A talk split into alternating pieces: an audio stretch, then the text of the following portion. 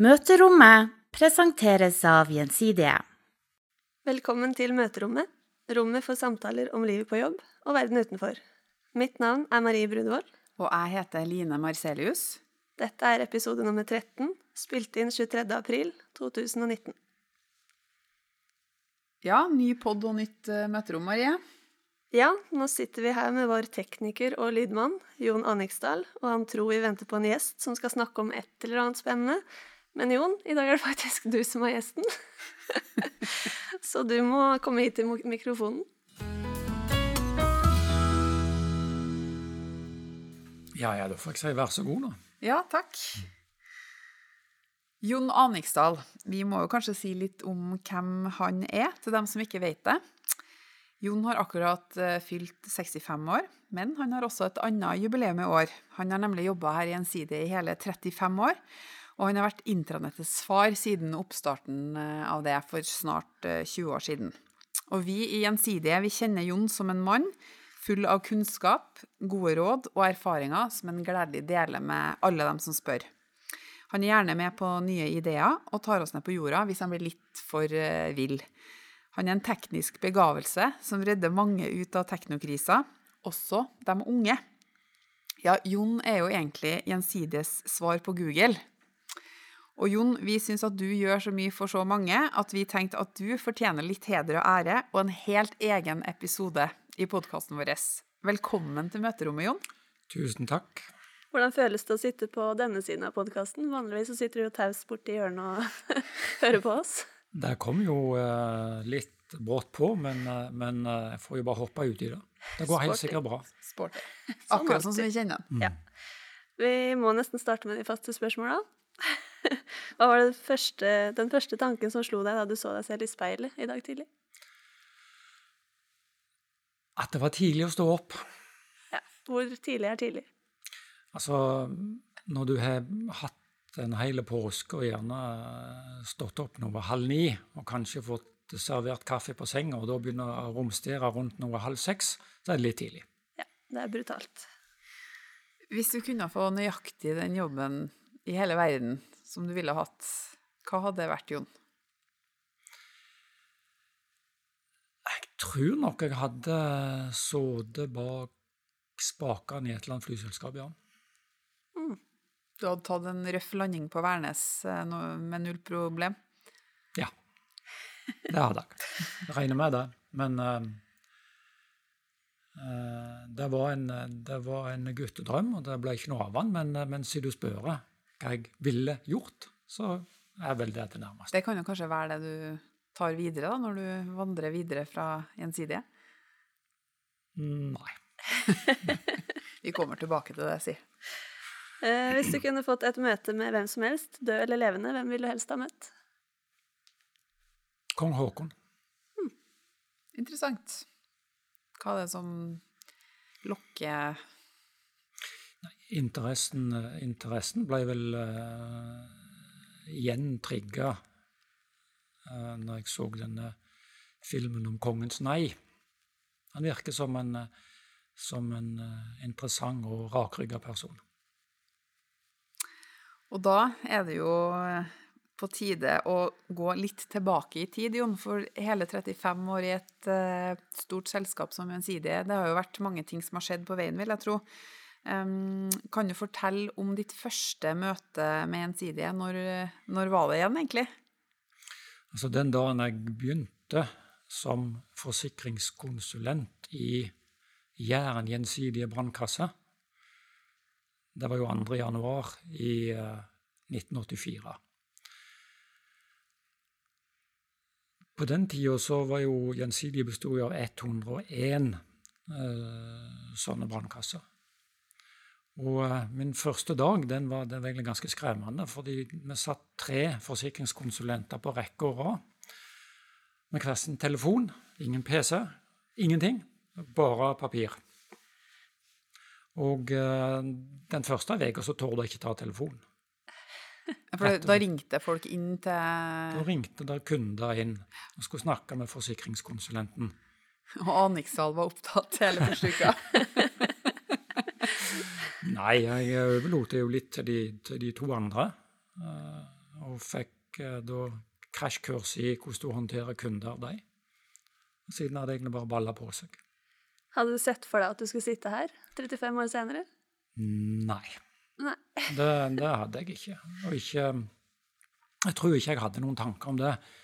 Jeg begynte i eh, Altså, foranledningen til at jeg begynte i, i forsikring eller i Gjensidige, det var uh, når uh, vi hadde bygd hus, så kom det en forsikringskonsulent på gamlemåten. Altså, de gikk bare fra dør til dør og banka på uten avtale. Og han satt og prata med oss, og hm, tenkte jeg, den jobben den kunne jeg godt tenkt meg å ha hatt. Så gikk han uh, over i historien, eller for, gikk ut av Gjensidige, og da ble jobben ledig, og da søkte jeg. Og du har jo gjort veldig mye forskjellig i det her selskapet, fra forsikringskonsulent og noe som ja, kommunikasjonssjef, eh, alt mulig, vil jeg si du driver med. Hva var det egentlig som skjedde på veien?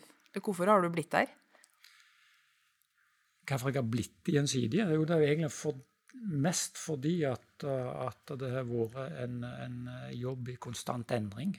Jeg har alltid fått lov å prøve noe som er nytt. Så jeg har egentlig hatt Etter at jeg begynte i kommunikasjon, eller informasjonsavdelingen i Gjensidige i 1995, så har det vært en, en jobb, et arbeid, i konstant utvikling. Derfor har jeg blitt her. Du blir her litt til, da, håper jo vi. Ja. Er litt sånn Ikke gå. Ikke gå. Nei, nei, nei. Jeg har ingen umiddelbare planer om det. Eh, klarer du å si hva den første, eller den største forskjellen på Gjensidige i, på 80-tallet kontra i dag? Går det an å peke finger på noe som er en stor forskjell, bortsett fra Fart, hastighet, Ja. eh, eh, kortere tid på oppgavene. Altså det, det, de to de to-tre første årene når jeg da drev med salg av forsikring i Hå kommune på Jæren, så eh, Nei, kunne du, kjørte du, og så kunne du kjøre nedom en, en, en kunde og ta en kopp kaffe. Det behøver ikke nødvendigvis bli salg. Men, eh, men du bygde relasjoner. Det hadde du tid til. Men det, sånt ble det fort slutt på. Så ting går egentlig, tror jeg, for de som er, som er ute i salg nå, mye, mye fortere. Eh, Det er mye mer kontrollert, det er mye mer eh, som er strukturert, stringent. altså Det er bang, bang, bang, bang, det er prosedyrer og sånn for alt. Så den, jeg tror det er mindre frihet. Jeg sier ikke at det er mindre arbeidsglede, men det er mindre, mye mindre frihet enn det vi hadde når vi begynte. Det er jo litt på, går litt på teknologi og digitalisering, men det er jo også mennesker som gjør jobben. Og det har jo sikkert vært noen runder med organisasjonsendringer og omstillinger underveis. Hvordan har det vært å være med på? Har du vært med på mange av de? Jeg har sett mange av de, men, eh, men eh, eller, eller sett um, endringer, organisasjonsendringer helt ifra Gjensidig første gang har begynte å redusere bemanningen. Unnskyld. Og da, eh, men hele tida har vi vært, eller mest sagt jeg har vært så, så heldig at jeg har vært i et miljø som, som eh, ikke så mye har vært berørt av, av endringer. Vi har vi har hele tida hatt en rolle i det, og hele tida Jeg skal ikke si vi slo på under omstillinga, fordi det har vært reduksjoner eller redusert bemanning også i informasjonsmiljøet. Men um, jeg har ikke vært en del av det. Og så har det jo skjedd mye i løpet av de siste 35 årene, altså i verden rundt oss, men i gjensidig også. Er det noen store hendelser du har liksom bitt deg merke i, som du vil trekke frem som ja, på godt og vondt, da, for eh, selskapet? Det kan jo egentlig bli en ganske lang liste. Kjør på. Det som, eh, Vi kan begynne i 97, når selskapet feirte 150 og 100 eh, 150 og 75 år på samme tid, men der alle ansatte i daværende gjensidige gruppen møttes til ei helg med, med feiring i Oslo. Jeg tror vi var godt over 4000 i Oslo Spektrum på jubileumsforestillingen. Det er mye folk. Det er mye folk. Jeg husker starten på samarbeidet med daværende Sparebanken Nord. Jeg husker avslutningen på samarbeidet. Jeg husker en, veldig godt en, en veldig sterk seanse i ansattesamling i Oslo Spektrum da blåfargen kom tilbake til logoen, og folk fikk igjen vekteren sånn som de kjente den. Børsnoteringen. Der er jo du avbilda i fremste rekke, ikke sant? Syns jeg Jeg sneik meg med. Ja. Og jeg husker jo vårt forrige, eller det siste jubileet i 2016. Sånn, for å dra fram høydepunkter, iallfall. Men hva syns du skiller gjensidige i dag fra det gjensidige du møtte? Altså, om du kan si noe om det? Altså, på sånn kultur, altså Er det det samme tross endringene, eller er det ting som har vært veldig annerledes? Jeg tror nok dessverre at den, den, den korpsånda, for å kalle det det, som, som vi opplevde på 80-tallet utover på 90-tallet, den er nok litt ganske redusert. Den er det at folk identifiserer seg med arbeidsgiveren sin, identifiserer seg med gjensidige, den tror jeg er, er svakere. Det, det tror jeg er den store forskjellen. Er det noe du tenker vi bør få tilbake, eller er det mulig å få det tilbake, da, for å stille et annet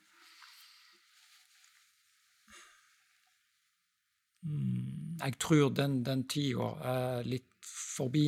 Til det er enhetene for store.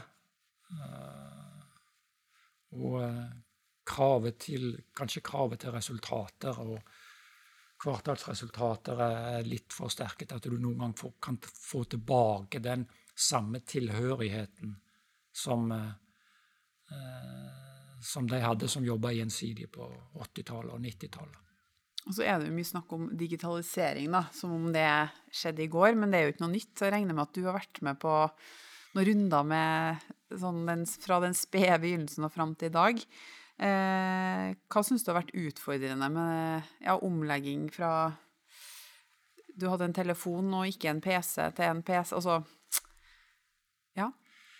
Så for meg personlig så er ikke, det ikke vært noen Det har ikke vært utfordrende. Det har vært utfordringer.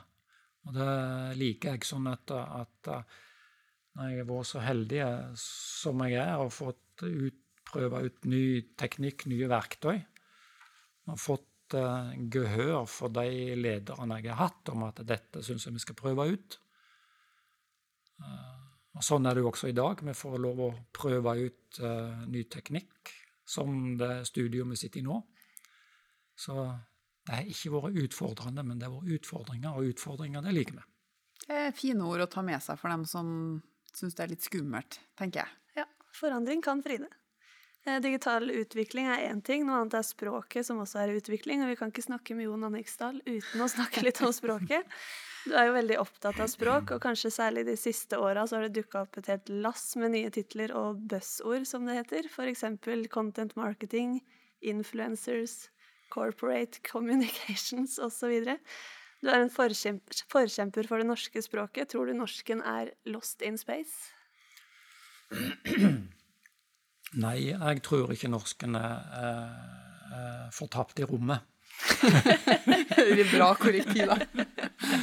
Jeg så den komme. men, men um, et språk er alltid i utvikling, men det betyr ikke at vi mest sagt bevisstløst skal ta til oss ord fordi at uh, det høres kjekt ut, eller at det, det mangler et ord som, som fyller det, på, som, liksom, som påstått ikke dekker det.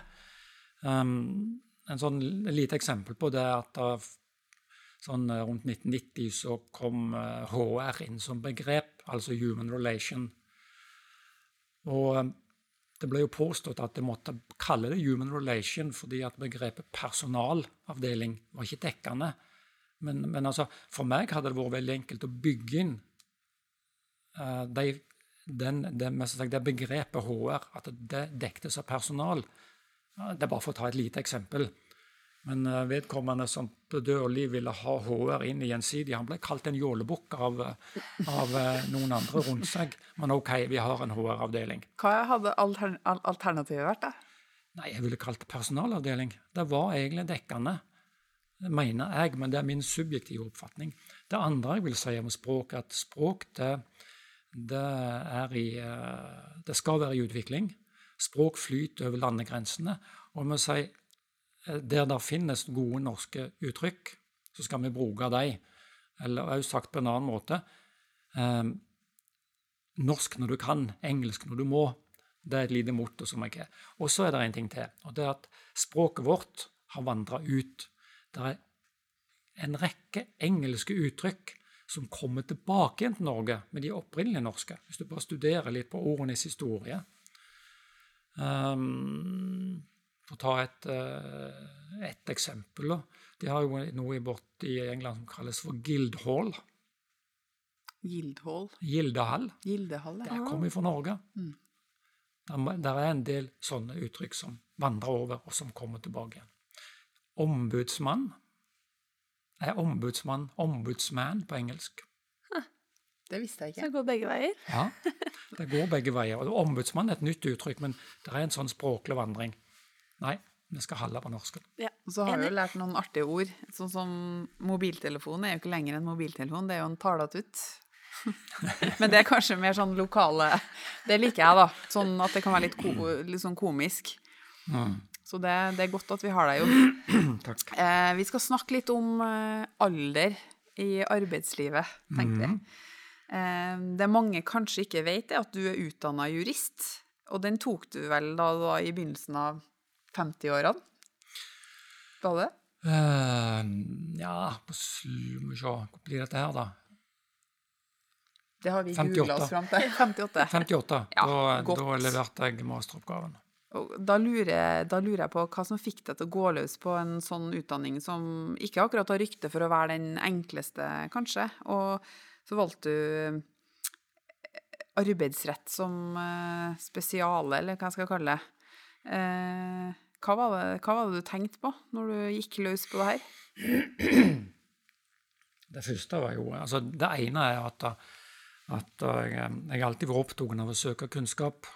Juss har egentlig alt, alltid interessert meg, og jeg hadde så vidt vært borti jussen tidligere. Og jeg hadde jo en, noen år som tillitsvalgt i selskapet.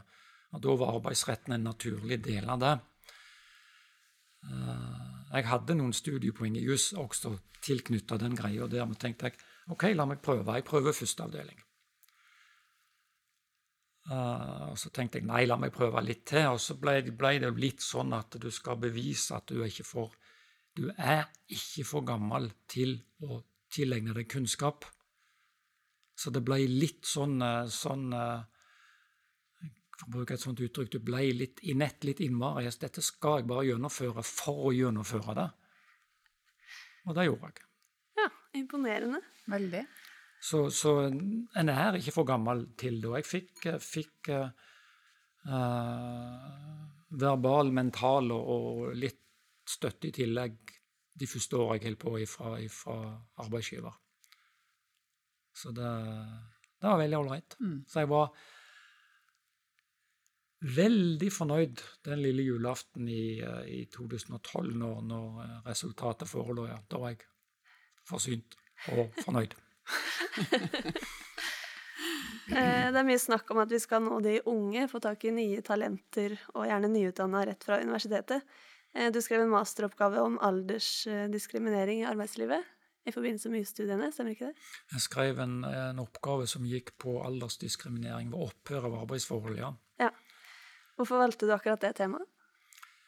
Jeg valgte arbeidsrett fordi uh, jeg eh, kunne en del arbeidsrett fra før.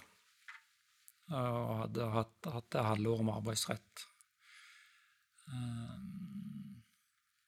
så det var vel egentlig det. Og så, så, så må jeg bare si det sånn, i og med at jeg kunne litt arbeidsrett, så så jeg for meg at jeg kunne få en billig reise gjennom eh, masteroppgaven.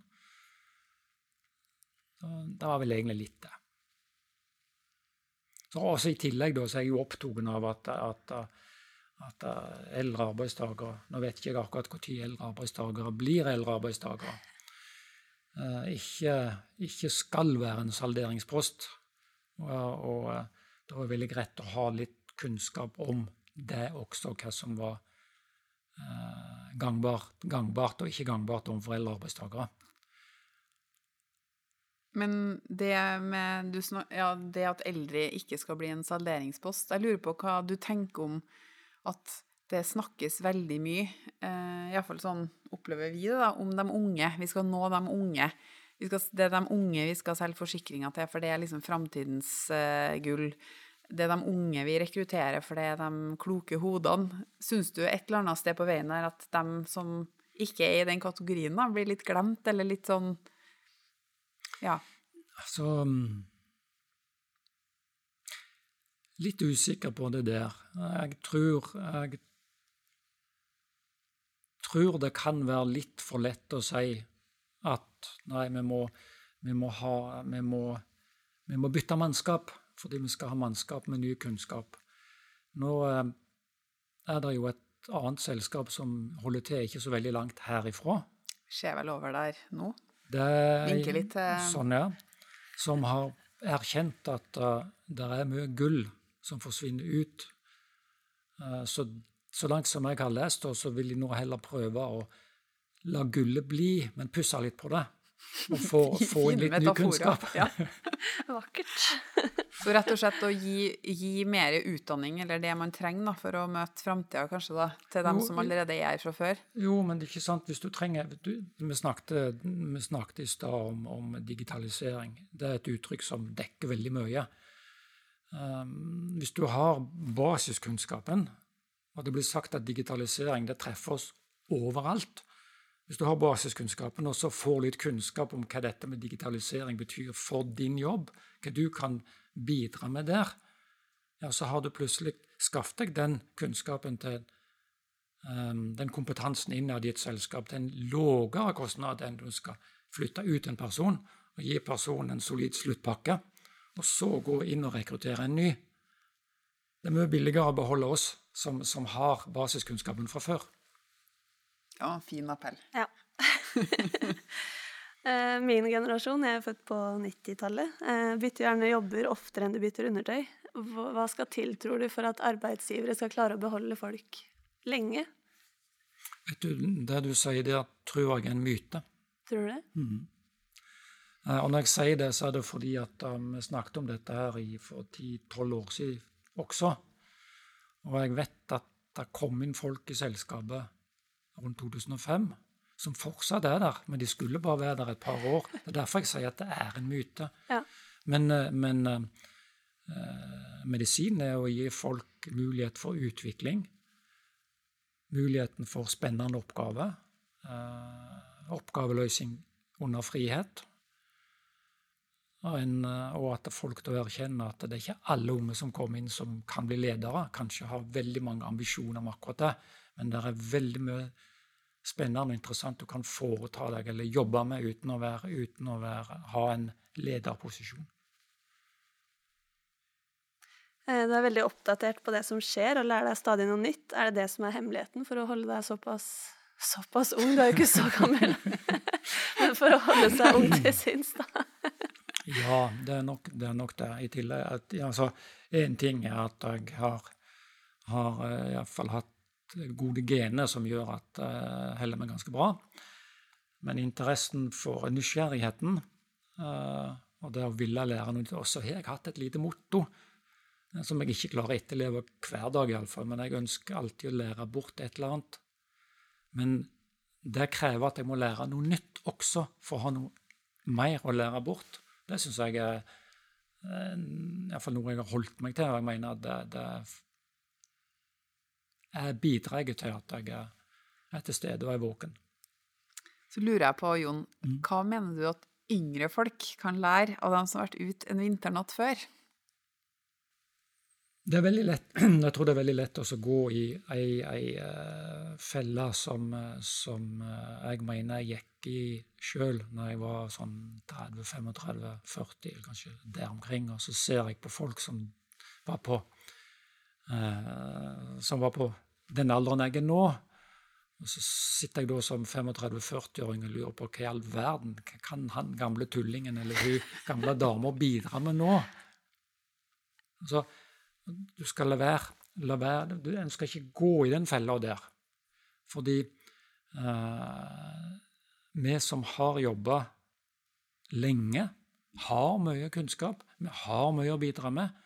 Og, og i, i, sum, altså med, hvis vi kan dele opp impulser Jeg får dele uh, av det jeg kan, som f.eks. med dere, og dere deler med meg.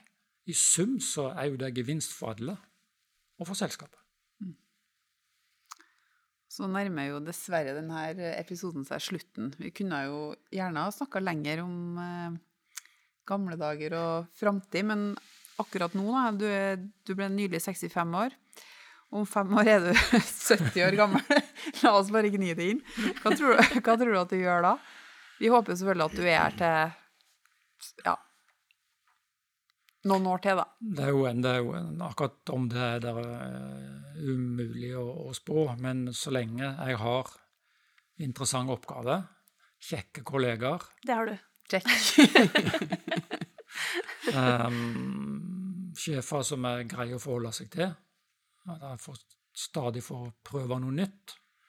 Og uh, ja, så tror jeg jeg henger meg en stund ennå. Hvor lenge, det er jo uvisst å si. Det jo, kan jo være andre omstendigheter rundt det.